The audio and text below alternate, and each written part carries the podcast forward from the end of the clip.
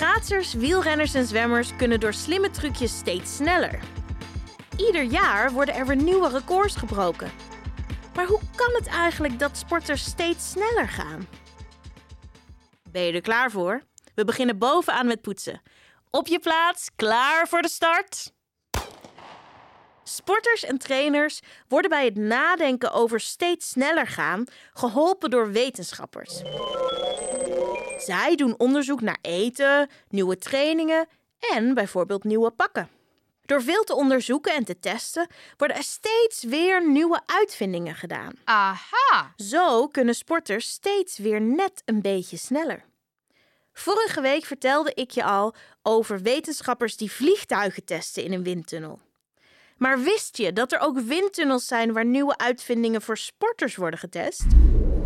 In Eindhoven staat er een windtunnel die veel test voor wielrenners. Hier wordt gemeten of de snelle pakken invloed hebben op de snelheid van de sporters. Heb jij eigenlijk wel eens zo'n pak aangeraakt? Je zou verwachten dat dit hele gladde pakken zijn, maar eigenlijk is dat dus helemaal niet zo. Draai nu je tandenborstel en begin je ondertanden te poetsen. Vroeger waren de pakken glad, maar inmiddels hebben ze op sommige plekken relief gekregen. Dat betekent dat ze op sommige plekken een beetje bobbelig zijn.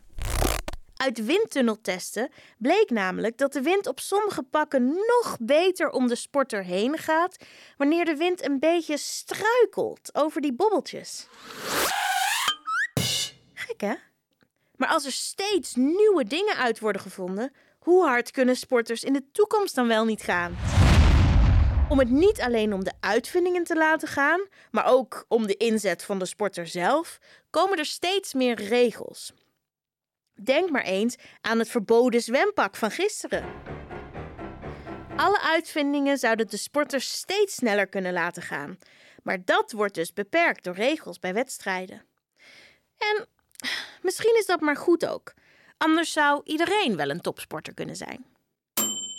Dat was het voor vandaag. Spuug je tandpasta uit en spoel goed je mond. Tot morgen!